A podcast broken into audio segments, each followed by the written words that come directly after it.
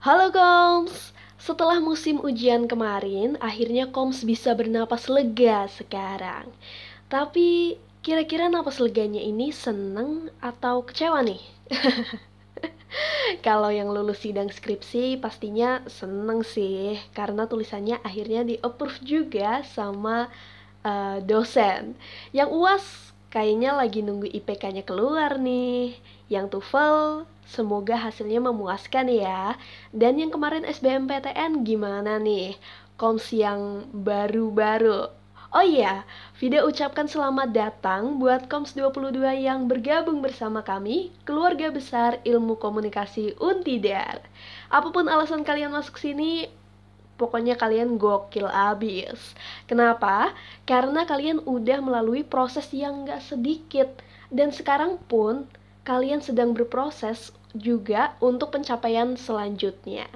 Mau kalian salah jurusan atau apalah, tapi apa pun yang bakal dilalui akan sangat bermanfaat juga buat koms, asal dengan pertimbangan yang matang ya tentunya. Ngomong-ngomong, soal SBMPTN kemarin, beberapa minggu lalu ada kabar yang gak enak, yang mungkin koms juga udah dengar kabarnya.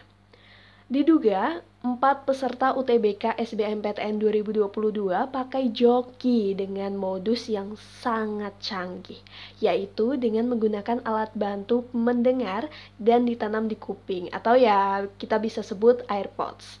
Tapi untungnya, panitia penyelenggara ujian di UNJ bisa menemukan perangkat tersebut dengan metal detector dan Akhirnya, empat peserta terkait langsung diamankan oleh tim panitia. Yang menarik dari kejadian ini adalah keempat peserta memilih program studi favorit seperti Fakultas Kedokteran. Berita ini dikutip dari laman lldikti13.kemendikbud.go.id. Tapi tentunya, joki bukanlah hal baru di telinga kita. Yang ketika kita dengar berita ini langsung kita kaget gitu. Enggak. Tapi tentunya joki ini tuh udah tersebar di mana-mana. Seperti yang kita lihat di media sosial banyak juga akun-akun yang mempromosikan joki tugas dan semacamnya. Atau mungkin orang-orang di sekitar Kooms yang juga menawarkan jasa ini tapi, di balik sisi gelap joki, gimana sih pendapat Kom soal joki ini?